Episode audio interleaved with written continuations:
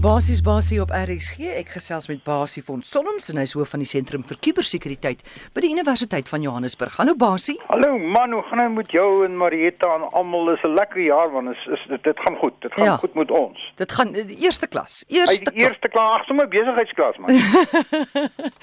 Basie, ons het baie om oor te praat vandag. Ek is nogal ontstel oor hierdie weervoorspellingstoepassing wat meer as 10 miljoen mense afgelaai het van Google Play Store. Dit blyk nou met 'n virus besmet te wees. Wil jy vir my sê Google het nie daarvan gewees nie, geweet nie? Wel hoor jy, uh, dis eintlik 'n bietjie erger as wat jy dit nou stel. Die as 'n ou nou mooi die storie gaan volg hier, dan het hierdie die manier hoe dit opgetel het is 'n uh, Skynbaar is daar 'n sekere soort telefoon. Ek gaan 'n selfoon, ek gaan nou nie die naam noem nie, maar is 'n is 'n Franse tipe selfoon wat onder kontrak gemaak word deur die Chinese. En hierdie app, hierdie toepassing, behalwe dat jy hom dat mense hom 10000 10 miljoen keer van Google afgelaai het, soos jy sê, is hierdie toepassing ingebou in die fone in in die in die fabriek. Aan die ander woorde, jy koop daai foon Sjoe. En jy sê hoor my, hier het ek 'n pragtige, sommer deel van die pakket wat ek kry, kry ek 'n pragtige toepassing oor weervoorspellings en alles. Daai uh toepassing is geïnfekteer. Hy het mense se inligting uh, onderskep want hy's nou self gelaai. Mm. En dan gee hy hom sommer self al die regte wat hy kan. Hy kan jou rekeninge toekom. Hy hy het byvoorbeeld, hy het die reg gemaak, hy het hom self die reg gegee om aankope te doen. En dan laat hy jou foon, laat hy aankope doen en hy laat jou foon premium oproepe maak wat van jou selfoontyd afgetrek word ensovoorts ensovoorts. Boonbehalwe dit lyk dit vir my is daar nog 10 miljoen mense wat hom van Google Play Store aflaai en hoe hy by Google Play Store verbygekom het, dis 'n goeie vraag. Ek weet nie, maar dit sê vir ons 'n paar dinge. Dit sê vir ons eerstens en daar's baie rapporte daaroor, baie uh, verslae daaroor dat toepassings wat jy op Google Play Store en selfs van uh, van van Apple uh, baie keer, maar veral van Google se want dit is die Android bedryfstelsel baie van hulle is geïnfekteer met kwadwillige programmatuur. In verlede jaar het Google 'n hele klomp van hulle verwyder hmm. uit die Play Store het omdat hulle uitgevind het. Hierdie een het hulle nou eers uitgevind. En hoeveel mense het nou geld verloor omdat hulle nou uh sy hulle selfoonrekeninge se geld is daarmee heen en en en jy weet dit, dit maak jou Ja. so magteloos. Nie dat jy nou self gaan en hierdie ding gaan aflaai en nie eens 'n bietjie navorsing gedoen het om te sien wat sê die mense oor hom nie. Jy kry die van jy koop hom uit sy boksie uit. En dan gebruik jy hom en dan en dan looi jy jou. Basie, daai Franse foon, is dit beskikbaar in ons land? Ja, een van die lande wat gerapporteer is waar hierdie probleem gebeur het, is in Suid-Afrika. Nou maar jy moet vir ons sê wat is die naam van die foon dat ons ten minste dit dat daai mense dit kan kan, kan daai mense die foon terugneem na die plek waar hulle dit gekoop het en gesê het o, eh, wat gaan hier Nou die vraag, die punt is skynbaar is dit nie almal nie. Dit die, die voornaam is Alcatel. O, okay. Dit is 'n Franse maatskappy, maar hy's onder kontrak van Nokia. eh, Een van daai daar's 'n hele storie, maar hier is hulle het 'n subkontrak uh, in China om die om foon van die foon te vervaardig. Ek dink nie hulle vervaardig al die fone nie. Okay. Maar die wat nou skynbaar uit China uitgekom het wat vervaardig is. So wat ek dus vir jou sê, wat ek vir die luisteraars aanbeveel. As jy so 'n foon het en jy het hierdie Weather Simple, dis die naam nogal eh, nogal interessant nê. Weather Simple toepassing wat vir jou weer dinge gee.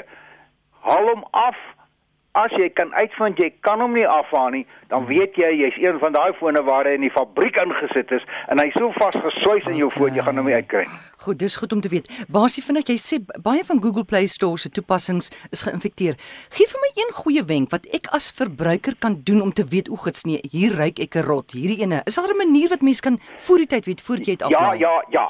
En ek dink ons luisteraars begin bietjie meer uh, ingelig raak want ek ek begin al meer reaksie kry van mense wat wat begin dink oor dinge wat hulle doen.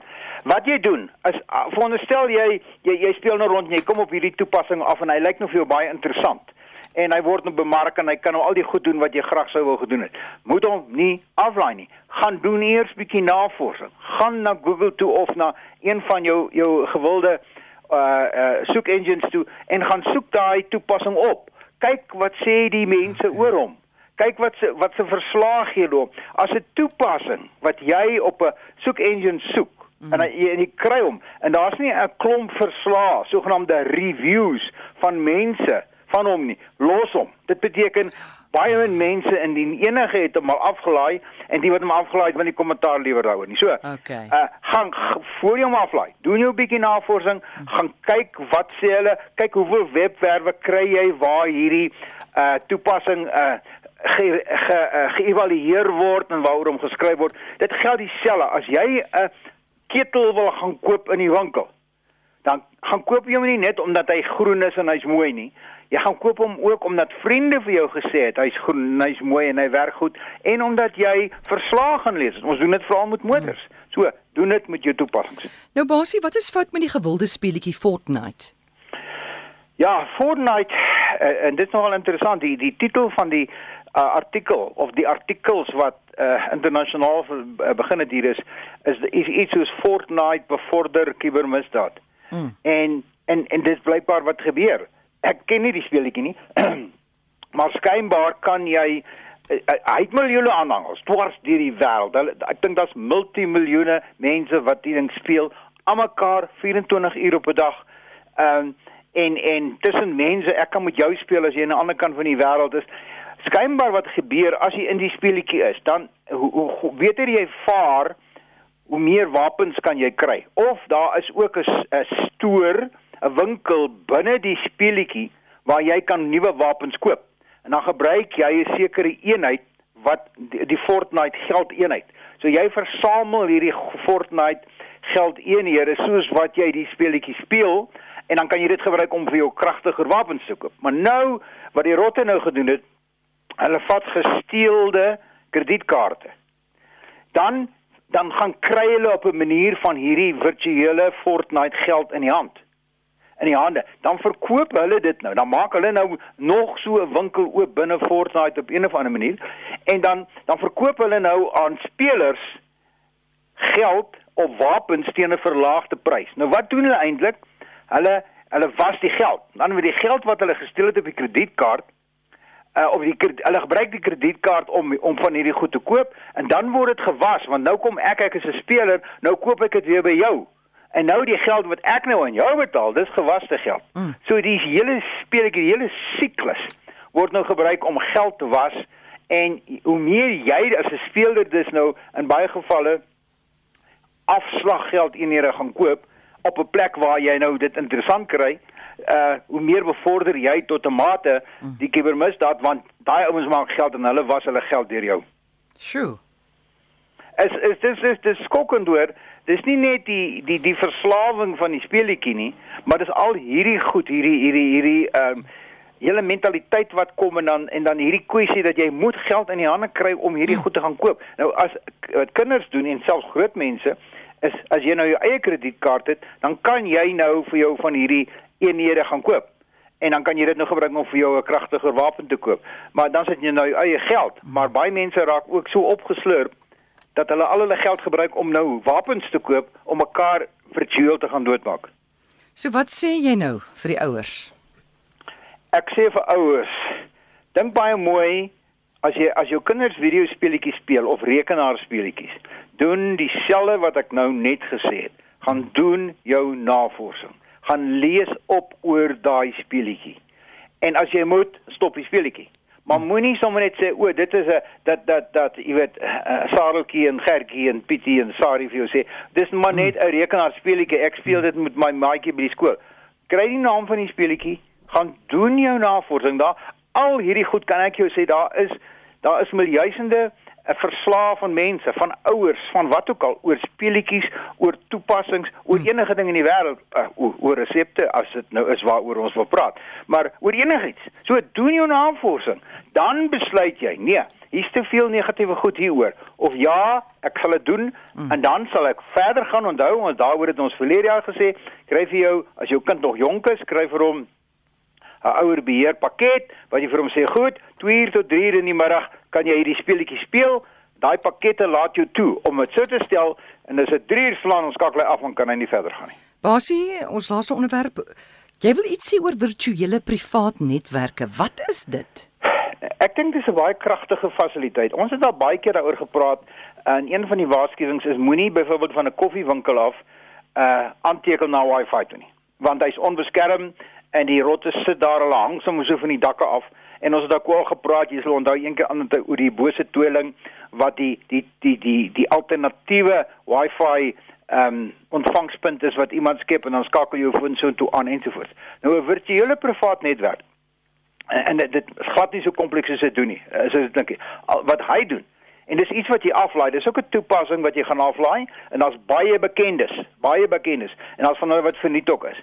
As jy hom aflaai mm. en jy en jy skakel aan na kom ons sê na jou bank toe via die VPN van die koffiewinkel af, dan dan skop hy in en hy enkripteer van jou rekenaar af dwars deur daai bose tweelingse netwerk tot by die bank. Enkripteer hy en niemand kan daarbey uitkom nie. Dis asof jy jou eie private versekerde geënkripteerde netwerk het. So, wat ek die luisteraars aanraai, as jy as jy geïnteresseerd is daaroor.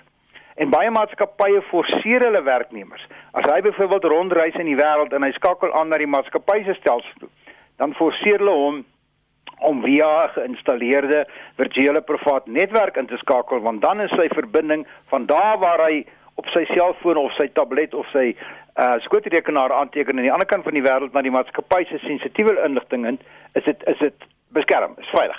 So gaan lees bietjie op daar's 'n hele paar uh ek het al self van hulle mee geëksperimenteer en dit is goedkoop. As jy hy's hy's gratis vir 'n lang ruk en dan dan begin jy 'n klein bedragie betaal elke maand daarvoor maar dis beslis die moeite werd gaan doen bietjie jou navorsing. Dan kan jy met 'n vrymoedige hart van die koffiewinkel af aanteken. Gou van ek dink net aan 'n laaste ding. Hoe kon die Zimmer regering die internet net afsit?